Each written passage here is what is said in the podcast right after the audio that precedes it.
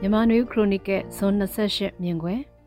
အသေးစားချင်းငွေလုပ်ငန်းလုပ်တဲ့နိုင်ငံတကာ NGO PGMF မြန်မာနိုင်ငံကထွက်ခွာ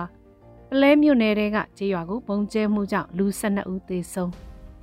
အမေရိကန်နိုင်ငံအခြေစိုက်အသေးစားချင်းငွေလုပ်ငန်းလုပ်ကိုင်တဲ့နိုင်ငံတကာ NGO အဖွဲ့ဖြစ်တဲ့ Pat Global Microfinance Fund အနေနဲ့မြန်မာနိုင်ငံမှာလုပ်ကိုင်နေတဲ့လုပ်ငန်းတွေကိုရပ်ဆိုင်းလိုက်ပြီးထွက်ခွာဖို့ဆုံးဖြတ်လိုက်တဲ့အကြောင်းပြီးခဲ့တဲ့ရက်ပိုင်းကအသိပေးကြေညာလိုက်ပါတယ်။ ထွက်ခွာရတဲ့အကြောင်းရင်းတွေကတော့မှတ်ပုံတင်ဥပဒေသစ်နဲ့မှတ်ပုံတင်ရမှာအခက်အခဲအသေးစားချင်းငွေလုပ်ငန်းကရရှိတဲ့အကျိုးမြတ်တွေကိုရည်ချကြရင်အစိုးရကိုလွှဲပေးဖို့စတဲ့အချက်တွေကြောင့်လို့ဖွဲ့စည်းကထုတ်ပြန်တဲ့ထုတ်ပြန်ချက်မှာဖော်ပြထားတာဖြစ်ပါတယ်။သေးစားချင်းငွေလုပ်ငန်းတွေဟာအကျိုးမြတ်ထက်အောက်ခြေလူဒန်းစားဖြစ်တဲ့လက်လုံလက်စားဈေးသည်စိုက်ပျိုးရေးလုပ်ကိုင်သူတွေကိုကိုပိုင်လုပ်ငန်းတွေအတွက်လိုအပ်တဲ့အရင်းအနှီးလွယ်ကူစွာချေယူနိုင်ဖို့ရည်ရွယ်ချက်ထားပြီးဖွဲ့စည်းက ဖွံ့ဖြိုးဆဲနိုင်ငံတွေမှာအောက်ခြေလူဒန်းစားဝင်ငွေတိုးမြင့်လာဖို့နဲ့အတိုးနှုန်းကြီးမားတဲ့ချိန်ငွေတွေရဲ့ဝင်တော့ဝင်ဖို့ကိုမခံစားရအောင်ရည်ရွယ်ဝန်ဆောင်မှုပေးကြတဲ့ NGO လုပ်ငန်းအမျိုးအစားဖြစ်ပါတယ်။အကျိုးအမြတ်ထက်အောက်ခြေလူဒန်းစားတွေစိုက်ပျိုးရေးမွေးမြူရေးကိုပိုင်အိမ်တွင်းမှုလုပ်ငန်းရေလုပ်ငန်းတို့လိုလုပ်ငန်းတွေလုပ်ကိုင်နိုင်မှုငွေအရင်းနှီးထုတ်ချေးပေးဖို့ရည်ရွယ်လုပ်ကိုင်ကြတာဖြစ်ပါတယ်။ BGMF ရဲ့အသေးစားချင်းငွေလုပ်ငန်းမြန်မာနိုင်ငံမှာစတင်လုပ်ကိုင်တာ 1990ခုနှစ်ကတည်းကဖြစ်ပြီး26နှစ်အကြာမှာထွက်ခွာဖို့ဆုံးဖြတ်လိုက်တာဖြစ်ပါတယ်။ဒီဖွဲ့ကထုတ်ချေးထားတဲ့ငွေကြေးပမာဏအနေနဲ့ American Dollar 156တန်းကျော်ဖို့ရှိပြီးချင်းငွေရယူသူအရေးအတွက်6သိန်းဝန်းကျင်ရှိတယ်လို့လည်းသတင်းတွေရသိရပြီ။ဒီအသေးစားချင်းငွေလုပ်ငန်းမှာအလုပ်လုပ်ကိုင်နေသူဝန်ထမ်း4000နီးပါးရှိတယ်လို့ဆိုပါတယ်။ဆီယနာသိမ်းပြီးနောက်နှစ်နှစ်အကြာစစ်ကောင်စီကထပ်မံတင်းကျပ်လိုက်တဲ့ဥပဒေဤဥပဒေနဲ့လုံထုံးလုံနည်းတွေက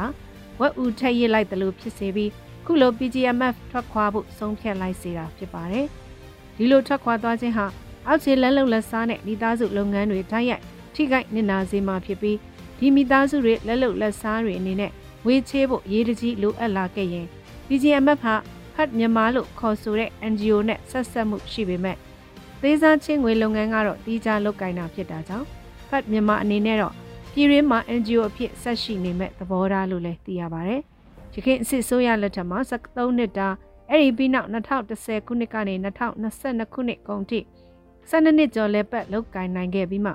ဆီယနာသိမ်းပြီးတဲ့နောက်အသေးစားချင်းငွေအဖွဲ့အစည်းဟာစစ်ကောင်စီလက်ထက်နှစ်နှစ်ကျော်ကြာမှာတော့ဆက်လက်လောက်ကင်နိုင်တဲ့အခြေအနေမရှိတော့ဘဲမြန်မာနိုင်ငံမှာထွက်ခွာဖို့ဖြစ်လာစေပြီးတိုင်းနဲ့ချီတဲ့အကျိုးခံစားရသူတွေဖို့စိတ်မကောင်းစရာဖြစ်ရတဲ့ခုလည်းဖြစ်ပါတယ်။ဒီနေ့ဖို့နောက်ထပ်သတင်းတစ်ပုဒ်ကတော့ စကိုင်းတိုင်းပလဲမြို့နယ်တွေကကြေးရွာနှစ်ရွာကိုစစ်ကောင်စီတပ်ကဘုံကျဲခဲ့လို့12ဦးသေဆုံးခဲ့တဲ့သတင်းပဲဖြစ်ပါတယ်။ရောင်ကုန်းကြေးရွာနဲ့ဗရောက်ကုန်းရွာနှစ်ရွာကိုစစ်ကောင်စီရဲ့လေရင်တွေကဘုံကျဲရမှာဖုံတော်ကြီးကျောင်းနဲ့နေအိမ်ချုပ်ထိမှန်ခဲ့ပြီးဖုံတော်ကြီးတစ်ပါးအပါဝင်စုစုပေါင်း12ဦးသေဆုံးခဲ့တယ်လို့သတင်းဖော်ပြချက်တွေမှာဖော်ပြထားကြပါတယ်။သေဆုံးတဲ့သူတွေအထက်မျိုးသမီးတွေလည်းပါဝင်ပြီးတက်40 50 60ဝန်းကျင်ရှိတဲ့ရက်သားတွေသေဆုံးကြရတာဖြစ်ပါတယ်။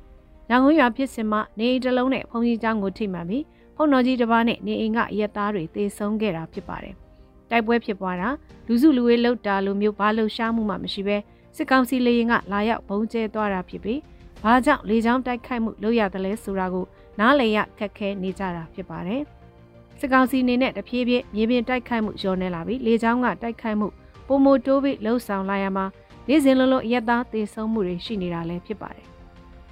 ဒီကနေ့ဖို့နောက်ထပ်သတင်းတစ်ပုဒ်ကတော့ကင်းနီပြည်နယ်ကိုအင်တာနက်တွေလုံးဝဖြတ်တောက်လိုက်ပြီးရိုက်ကော်လိုပြည်နယ်မြို့တော်မှာတော့စစ်ကောင်စီရဲ့ထိန်းချုပ်မှုအောက်က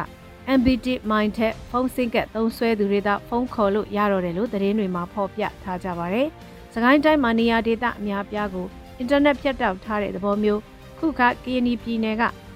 ဒေသအများပြားကိုအင်တာနက်ဖြတ်တောက်လိုက်တာဖြစ်ပါတယ်။ခုလိုအင်တာနက်ဖြတ်တောက်တဲ့ရည်ရွယ်ချက်ကဘာကြောင့်ဆိုတာရှင်းရှင်းလင်းလင်းမသိရပေမဲ့ စီးရဲလှုပ်ရှားမှုတွေအချိန်မြင့်မှုရည်ရွယ်တာလားဆိုတဲ့တန်တရားတွေခံမှန်းမှုတွေရှိနေတာလည်းဖြစ်ပါတယ်။လက်တလောကင်းဒီဒေတာရဲ့တန်လွင်အရှိချမ်းမဲဆက်မြို့အနီးကစခန်းတွေကိုရခိုင်နယ်ကြားစောင့်တက်ဖြစ်တဲ့ကလလတလက်နက်ကိုင်ဖွဲ့ကတင်ယူတာတွေဖြစ်ပွားခဲ့ပြီးနောက်စစ်ကောင်စီဘက်ကပြန်တိုက်ယူဖို့ပြင်ဆင်မှုလက္ခဏာတွေလည်းတွေ့နေရတာဖြစ်ပါတယ်ရှင်။